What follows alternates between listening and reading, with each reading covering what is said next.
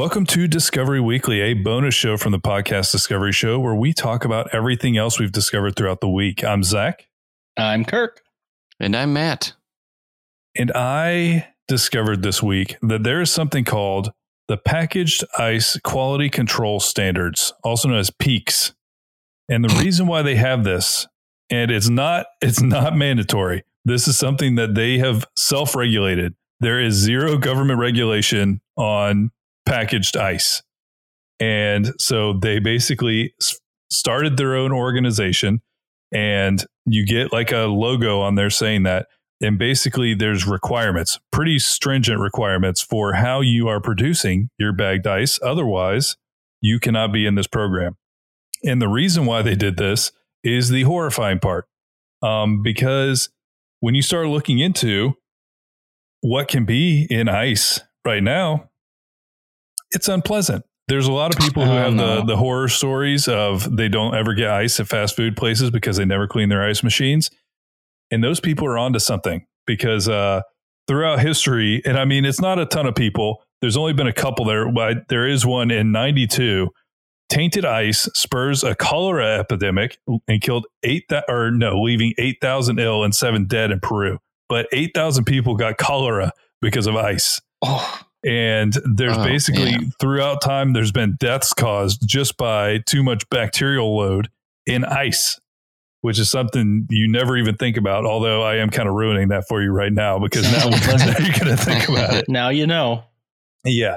Um, but BBC actually did a report on this, and this was 2017. And they found fecal bacteria in ice Mm. at Costa, Starbucks, and Cafe Nero. Mm. And so basically there isn't any there's no good level. You don't want any in there. You want this to you want the level to be zero. And they all had very high bacterial loads of fecal bacteria. someone And dropped a load in the stinking ice machine. I, I think like what well, the heck? Hopefully not hopefully not that. Why is there poo poo in the ice? But yeah, there is some companies because apparently when Starbucks saw this or like found out that they had been like popped for this, I'm sure somebody got fired because there are chains and there are people who independently do this, but in general, it's not checked very often. And so I just wanted to kind of ruin ice for everybody and make sure make it so you think about this next time you have a, a nice big gulp or a polar pop, you know, whatever's whatever's regional for you. I do pop. very much feel sketched out when I go to like those mom and pop gas stations where it's like you can tell they haven't swept the floors in like 40 years. And you're like, mm, I don't think I should get a fountain drink here. well, what's crazy about fountain drinks too is having worked at a bar for a little bit. Those lines that the that the thing goes through, they're never cleaned. None of that stuff is cleaned because it doesn't have to be. It's wild. Like the Coke syrup just goes through that line, and then they change the Coke syrup, and it's like, yeah, that's good. It flushes Mm. out, right? It's like Yeah. Wow, Somebody's- into your drink. Yeah, somebody's Yeah. drinking it, and then it's clean. crazy. It's gross. I don't want to talk about this anymore. You're welcome, Me everybody. neither. well, uh, I have two scary stories that I'm going to tell you guys. I read a bunch of them, and I, this is actually from travelchannel.com, but Nice. it's travelchannel.com talking about the 11 great greatest scary ghost stories from Reddit. So they were kind of Mhm. reaching for uh, for some uh, content uh, on the travelchannel.com, but some of these were pretty good. And I to be wanna fair, though, we're basically doing that too. but we are not supposed to be held to the travelchannel.com standard. Thank God for yeah, that. we're we're not making Travel Channel money. so uh, here's the first story I'm going to say. It's called the Unrest Stop. Uh, is that a rest stop? Get it? Like that little I do get it. Um, this one is weird. It's just weird. And again, supposedly these are true. None of these are probably true, but it's still fun. It's it's spooky time. You know, suspend your disbelief. Here we go. I was driving across country with my mom and sister when I was 16, and my sister was 20. Interesting detail. I was late, but we were It was late, but we were all rested, still, and alert. We were driving along the interstate and needed gas and a bathroom break. So we stopped at the only rest stop in 200 miles. There was a van full of teenagers on a road trip at the gas station, as well as a small gray car parked at a pump in front of us with two young men standing still outside of it. When we got there, everything just felt wrong. We'd been on the road for days and seen many rest stops at night and had been have never been afraid until then. My mom and sister went inside and I stayed in the car. I heard the teenagers say that they were creeped out and couldn't get the pump to work, and they left in a hurry. I was watching the car in front of us, and the two men had not moved at all, not an inch. They weren't talking, they weren't on phones, they were just standing there, still as stones. My sister and mom came running back out to the car, and when they got in, the two men slowly turned to look at us while not moving or pivoting the rest of their bodies. And I swear to God, that's not what they said, but I swear to God, we all saw the same thing. They had dark eyes, pitch black, and empty, like truly empty. Not black, not reflecting any light at all, just a void. We sped out of there and didn't stop until we were in the next city. The worst thing about the experience, and this is the part that's really creepy to me, um, we couldn't find the place on any map. We knew exactly which spot on the interstate to look, and we couldn't find it on Google Maps or any paper map that we had. We even asked locals about the creepy gas station out on that stretch of road and only got confused looks. We've traveled on that interstate since, and there is no rest stop. uh, hmm. I like that story. I like it hmm. because hmm. the last part about the them not actually being able to find that same rest stop again. That's creepy. Um, which one is this one?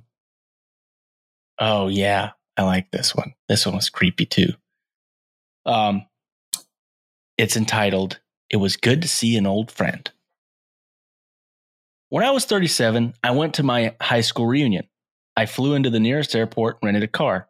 The distance was about 35 miles through a very rural and almost abandoned part of the county. About three miles outside of town, I see someone on the road, on the side of the road, flagging me down. It turned out that it was one of the guys that I had attended school with. Jim gets in the car and we start talking. I had not seen him in over 20 years, but he still looked the same, maybe a little bit older. We get to town and I ask him if he wants to come to the VFW and have a drink. He says, No, just take me home. Jim's parents had lived only a few blocks from my grandmother's house, and I turned in that direction, but he said to take him to the outskirts of town. There was a mobile home park out there, and I just figured that's where he lived. When we reached the end of the turn off, he said, Just drop me off here. It was good to see you again. And he walks off into the night. I go to the VFW, met some of my old classmates, and we start to talk. As we we're talking about who's coming to the reunion, I mentioned that I had just picked up Jim up three miles east of town and had dropped him off. Everyone gets really quiet. Even the guy singing karaoke stops and lays down the mic. My cousin goes as white as a t shirt. Barb, Jim died on that curve eight years ago, rolled his car. We were all at his funeral, I was told. I started to feel really dizzy and I went out to the car to take some deep breaths. There on the seat was the local newspaper printed eight years previous containing Jim's obituary. I still have that paper in my possession. Hmm. I like huh. that one too. They're creepy stories. I like creepy stories. creepy stories. creepy stories. you uh you're aware of uh creepy pasta, right? Yes. Okay. Yes. That just made brought me straight back to like some of those awesome thread stories that are just mm-hmm. super oh, yeah. fun to read. Yeah, that we actually covered a podcast called Mr. Creepy Pasta. That's just all that. Oh, mm-hmm. that's he dope. just reads. There, some of them are really so disturbing. Is the problem? Yeah. you yeah, have sure to sift, are. You have to sift through some really messed up stuff to find ones like that that are not as messed up. They're just right. kind of fun. There's like the one with the the oh uh, uh the clown I, I I'm sorry, but I covered up that clown statue you have in the attic, and it's like we don't have a clown statue in the attic. yep, that's a classic. that one. There's that one. There's the Candle Cove one, where it's like people are remembering a television show online, and at the end, it's like I told my grandma about it. She was like, "I thought that was so weird. You'd watch Static every night." and you'd go on about a pirate show called Candle Cove. What a fun imagination you had. And they're like, "Whoa." I don't Super know if I've ever read that one. Yeah, no, Yeah, no, that, that was a good one. Yeah, you should definitely check out Candle Cove. It's not my discovery, um, but I uh, both of my discoveries this week are about cryptids, which are uh, creatures that are uh, the study of them is called cryptozoology. You might know them as like Bigfoot, Loch Ness monster, all that stuff. But my first discovery is a Indiana University article that is uh, about seven species that used to be cryptids, which I find super That's interesting. Ooh, okay. No, I think that's so interesting Mhm. because people do act really weird about things that haven't been discovered, you know, or like, I guess, uh, substantiated. Yeah. And I mean, what with like the gorillas, like the silverback gorilla was like, what? Almost in our lifetime, Eh, not quite, but it was Yeah. like not even that long ago, and it was literally they thought it was made up by villagers in wherever the freak they are. in gorilla somewhere land. not here. I don't want to say something that's completely they're in, wrong. they're in the mist. They're in the misty, mist. misty mountains. Exactly. Um, I know, it's don't fascinating. It's cool too because going through this list, I'm like, oh yeah, I could definitely see how that would th- someone think that wouldn't exist. like the platypus. Like the platypus is, that on is one of them. Yep, Yeah, the platypus is one of them. because everyone thought Uh, that was a freaking hoax. Exactly. I'm still not convinced. I've never held one. So I've never held one. so they discovered uh, the platypus in 1798, which is crazy. That's not that long ago. The Komodo dragon, that's a good one, right? yeah. Yeah. it is. They didn't know that one existed until 1910, Holy Wow. cow, right? that's crazy. Um, and uh, you guys have seen this one before, I think the okapi, which is essentially that Mhm. like deer with the li- weird butt. stripes. Yeah, yeah. that's what I call it. Um, it was called the African unicorn. So of course everyone's like, that's not real. But they discovered it in 1901, or I should say, didn't discover it, but someone wrote it down. you know, Yeah. I'm sure it had been discovered by someone who exactly was made fun of, and there's like, there's no such thing as unicorns, idiot. um, and I got to read the blurb for the uh, the gorilla because it's so interesting. They say the uh, article's like, "Bet you didn't expect to see that on the list." Uh, but most European explorers thought that gorillas were monster-like, and the first attributed sighting of a gorilla by a non-African was made in the fifth century BC by Greek explorer Hanno. Most Hmm. scientists today believe Hanno was describing either chimpanzees or baboons from his account. However, his interpreters called the creatures what he saw gorillae. Another explorer, Andrew Battell, Battell, Battell, recounted seeing human-like monsters visit his campfire every morning after he left for the day. Of course, he had to mention they didn't know how to put more wood on the fire to keep it going. Yet gorillas remained cryptids until 1847, when That is Thomas. Savage found gorilla bones in Li- Libera. He, alongside Jeffries Wyman, wrote a formal description of the new species, calling it gorilla gorilla. Gorilla, gorilla, gorilla. gorilla. it's a That's, scientific that's name, I think. necessary. I guess it wasn't quite in our time. No, But that's crazy, right? no, yeah, that Yeah, is it is. crazy. Good lord! And uh, the giant squid was another one that was very recent when we. That makes total sense, especially because aren't they like 20 feet long? Oh yeah, they're twenty four. The one that uh, was caught live was a twenty four foot female giant squid, which is insane.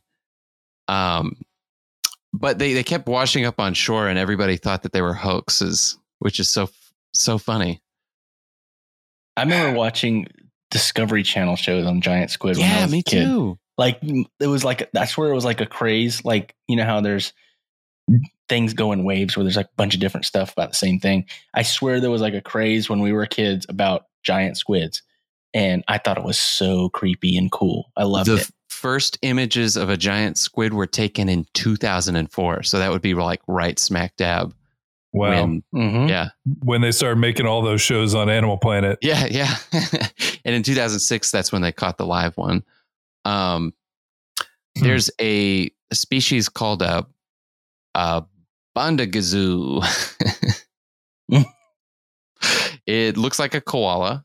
Um, it is one of the ancestral spirits of the Moni people in Western Papua New Guinea.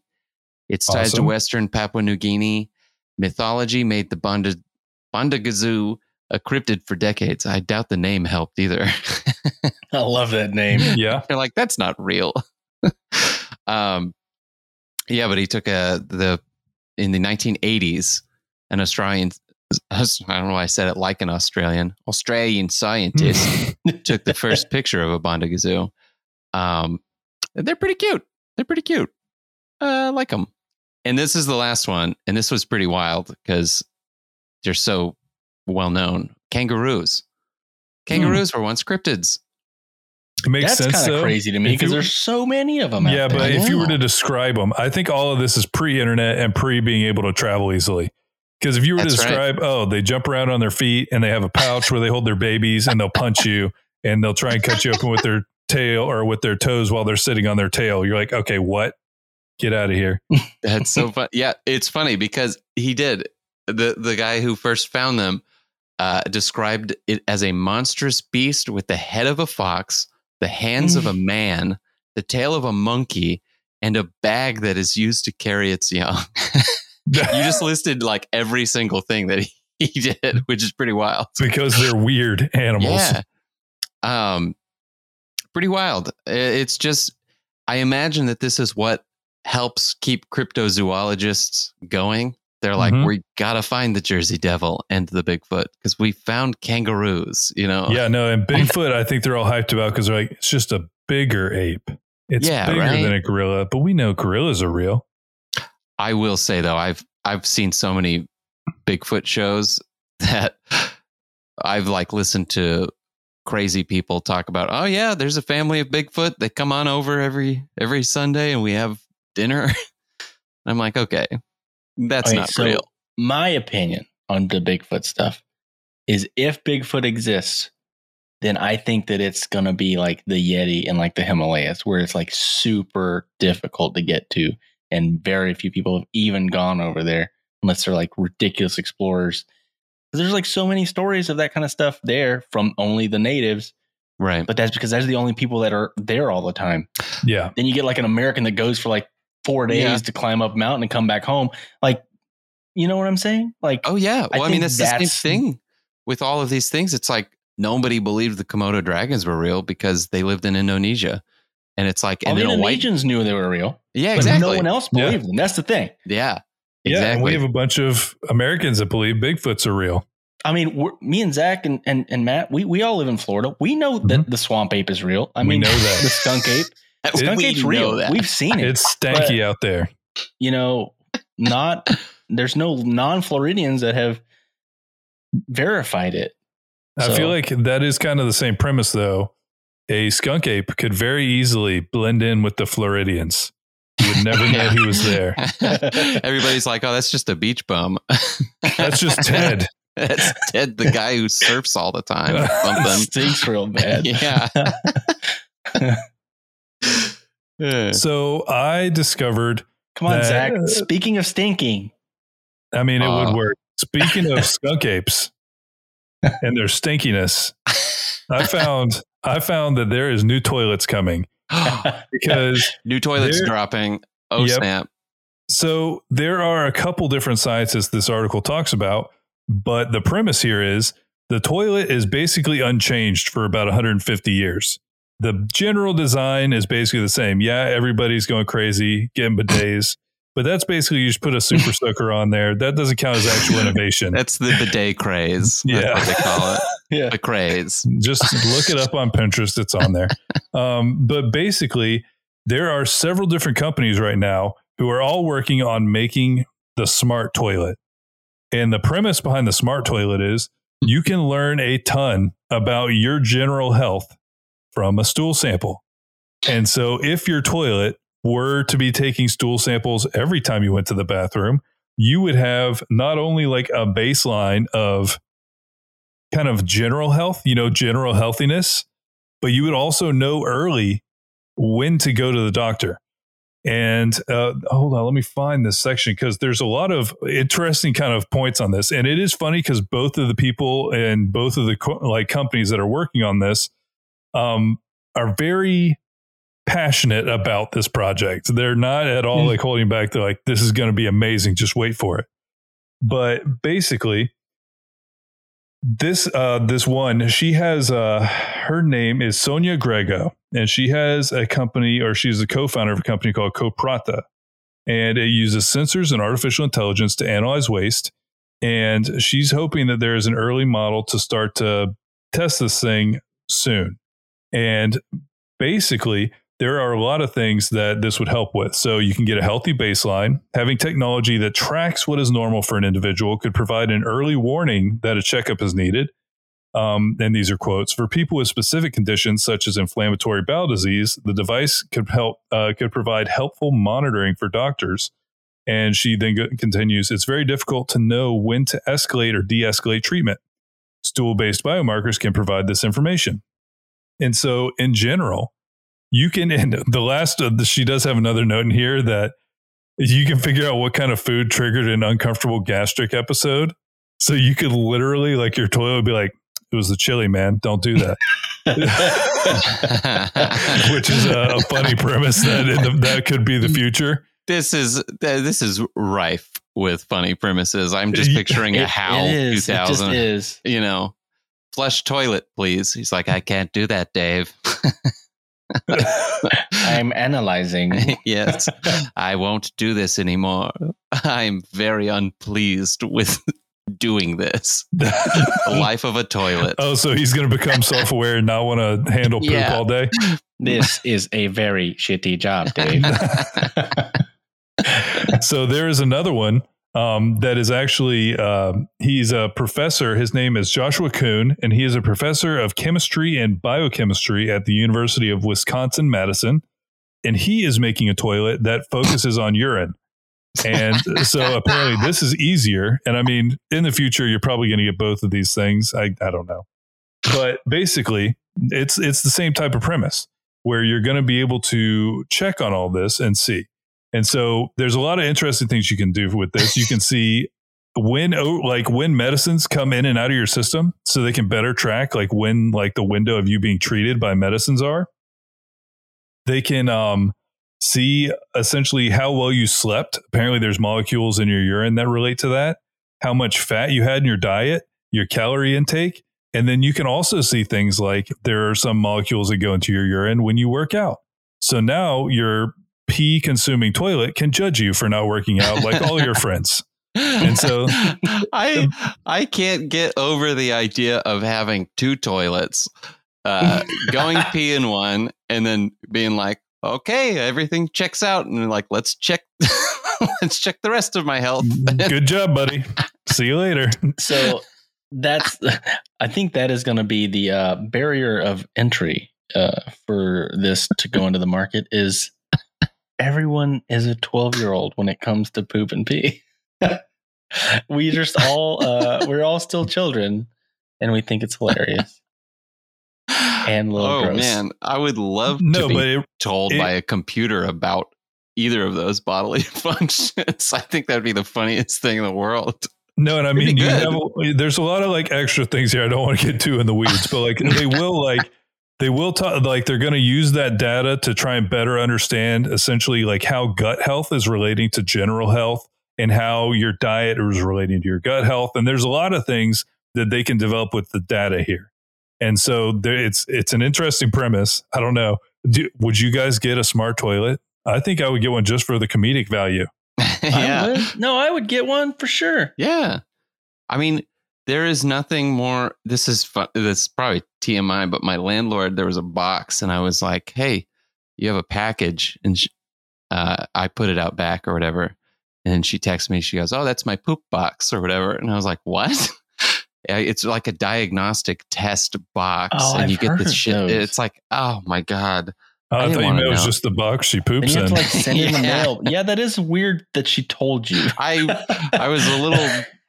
Uh, I just said, uh, like, okay, yeah because you can get um you can basically get stool samples sent off so you don't have to get a colonoscopy or something like Yeah, that. Like and it's like- nowadays. super i don't know the idea of doing that and then sending It's it into a pooping in a box and it's like See, and now you don't have to do it. You Yeah. can just poop in your toilet and they'll do it for you. and instantly well presumably i don't know No, it's got a four hour load time.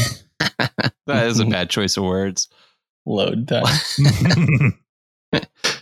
All right. Um, going along with the spooky theme, um, that was pretty spooky. it was very spooky. uh, I have an Atlas Obscura article about somewhere, but it's a little bit spooky. And it is a place in Costa Rica called the Mountains of Death. Um, Ooh. And there's some spirits that are the guardians of the mountains of death. So it's just like a lot of stuff at once. Um, and it is very fascinating. It's like, I don't know, it's uh, interesting folklore I want to learn more about. Never heard about till now. Here's the story. It was around midnight when biologist Paula Munoz woke to, to the sounds of children laughing as pots and pans clattered to the kitchen floor. She listened from her room to an adult voice scolding the mischief makers. It was followed by a whack of a broom and the barking of Alaska, the resident dog of the field station where she was staying, high in the Talamanca Mountains of Costa Rica. In the morning, she asked the station's caretaker about the midnight ruckus. He said, It was those stupid nimbulos. They think it's funny, she recalls and that's the name of these guardian spirits. Uh, she said more than a decade after the incident, she regrets staying in her room. She said, I had the opportunity to see them, she says. I was just too afraid. Munoz's apparent near encounter with the Nimbulos is not unusual in this corner of the Talamancas. These childlike spirits are said to live in the forest around Cerro de la, Cerro de la Muerte, the mountain of death. Rooted in indigenous folklore, stories of the Nimbulos have evolved in the telling.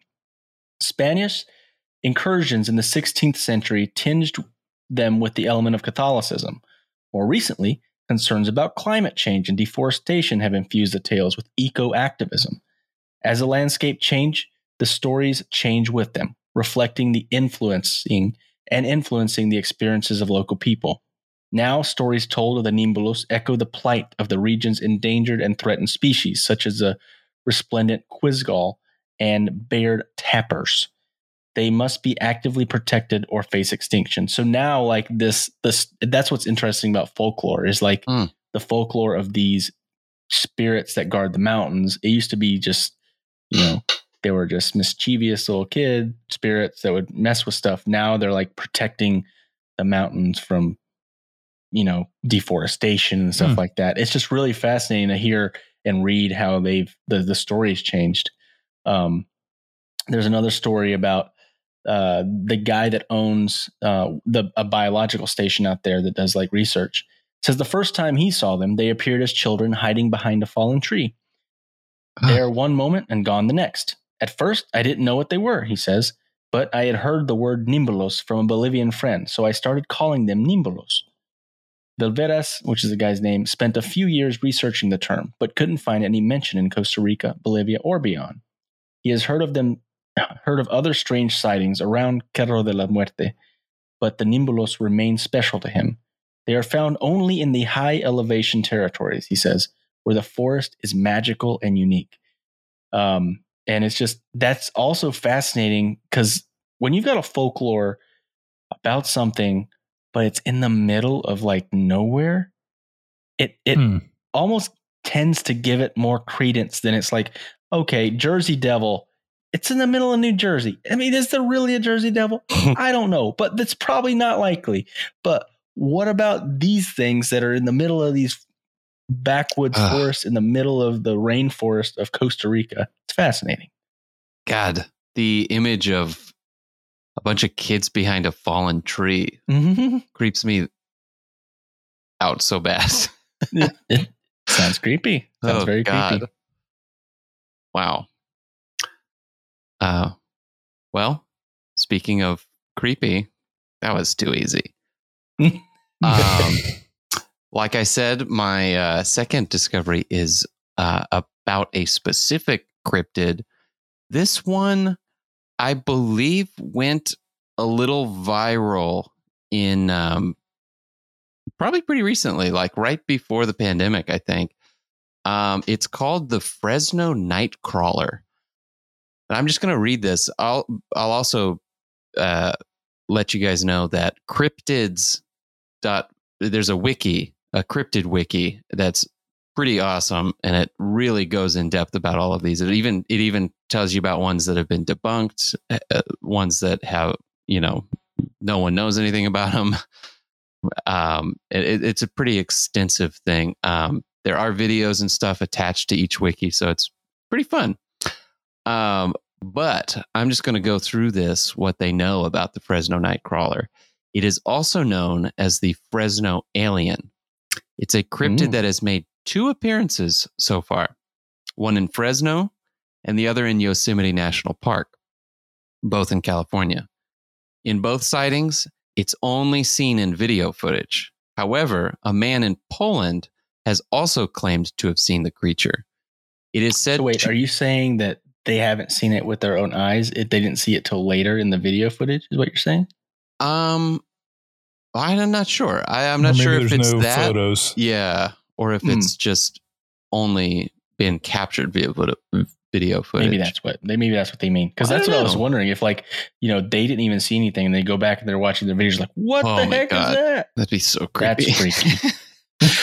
um, it is said to resemble a, another cryptid called the Carmel area creature, which I assume was a similar thing seen in the Carmel area. I said Carmel, but um, it's Carmel. Uh, so um, this this is a sighting of the Carmel area creature, which they think is the same thing. But the witness was a 60 year old former Marine, yet to be named. Yet to be named. Sorry, he hasn't given his name. Excuse me. His mom didn't never name. Him. Yeah, they him. never named him. Um, They're still waiting. yeah.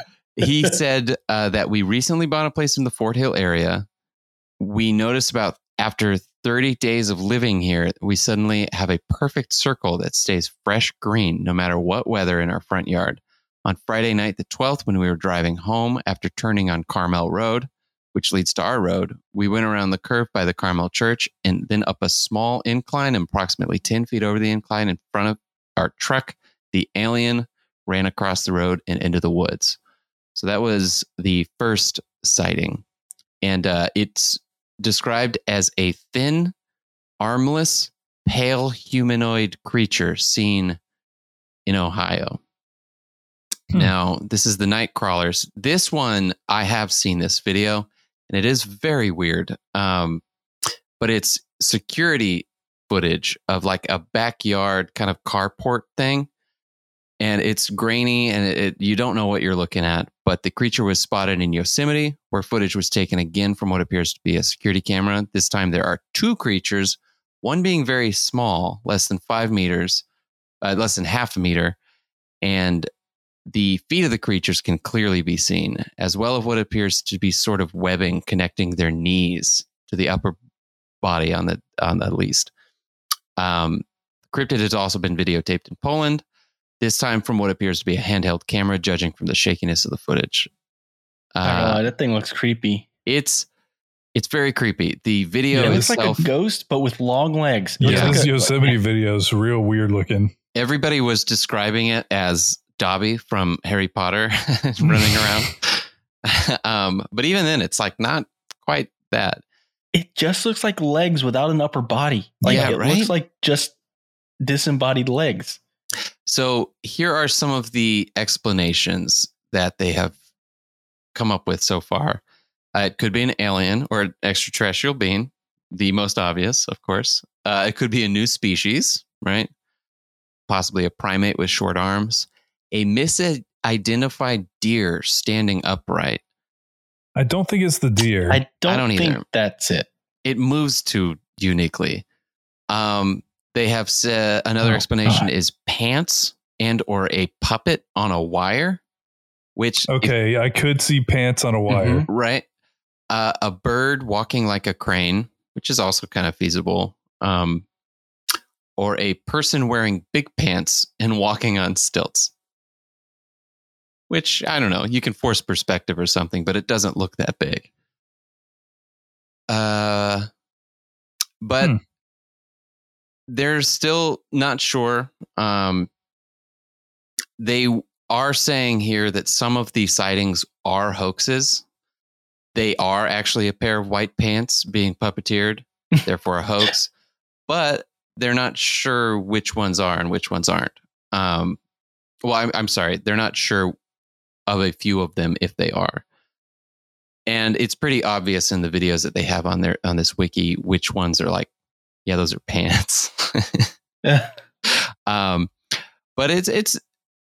I heard about this one this recently, uh, uh, and I was like, the Fresno Nightcrawler. I had no idea it had this name, but I have seen it before, and um, it's a it's a fun website. Definitely check it out. It's cryptids.fandom.com, and uh, it's fun fun time to go through.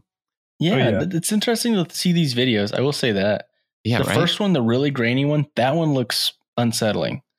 Um, the other ones kind of feel hoaxy. yeah, I'm not gonna lie. The one that's like got the green background, that one looks like a puppet.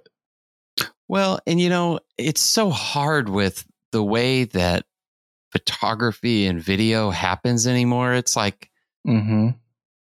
you, you see a uh, what is it called? Extended reality stuff, and it's like, no, you can just create any 3D image and then doctor it into something by editing it after it's in there.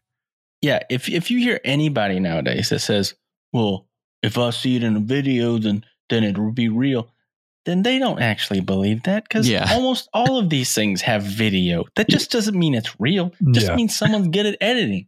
That's the thing. It- Yeah. nowadays, it's much more hard. I feel like to validate than it even used to be when, let's just say, just cameras. If you got a picture of the thing, you're golden. It's done. Nowadays, no one trusts a picture. No one trusts a video. And I get it because I don't either because it's very easy to doctor something and make it look like you want. Yeah. But uh, it is uh, it is fascinating and it's still interesting to see videos of things like that. Uh, and that's not one I knew existed or yeah. maybe it doesn't exist. We don't know. uh, yeah. Who knows? That's why I was like, oh, I got to check this thing out. Hmm. Um, definitely. Above all, cryptids are fun. They Uh, are that's what I love about them. They are really fun. Well, yeah. I think that's all of our discoveries for this week. We did it, guys. We just Great job. covered. But yeah, thanks so much for listening. And we will talk to you again next week. May Next thine week, May thine spooky. discoveries be uh, great and bountiful. I was really hoping for some uh, some heavy e- echo on the end of one of those. Well, no, no, no, no. Thanks for listening, everybody. Thanks for listening, friends. Bye. Bye.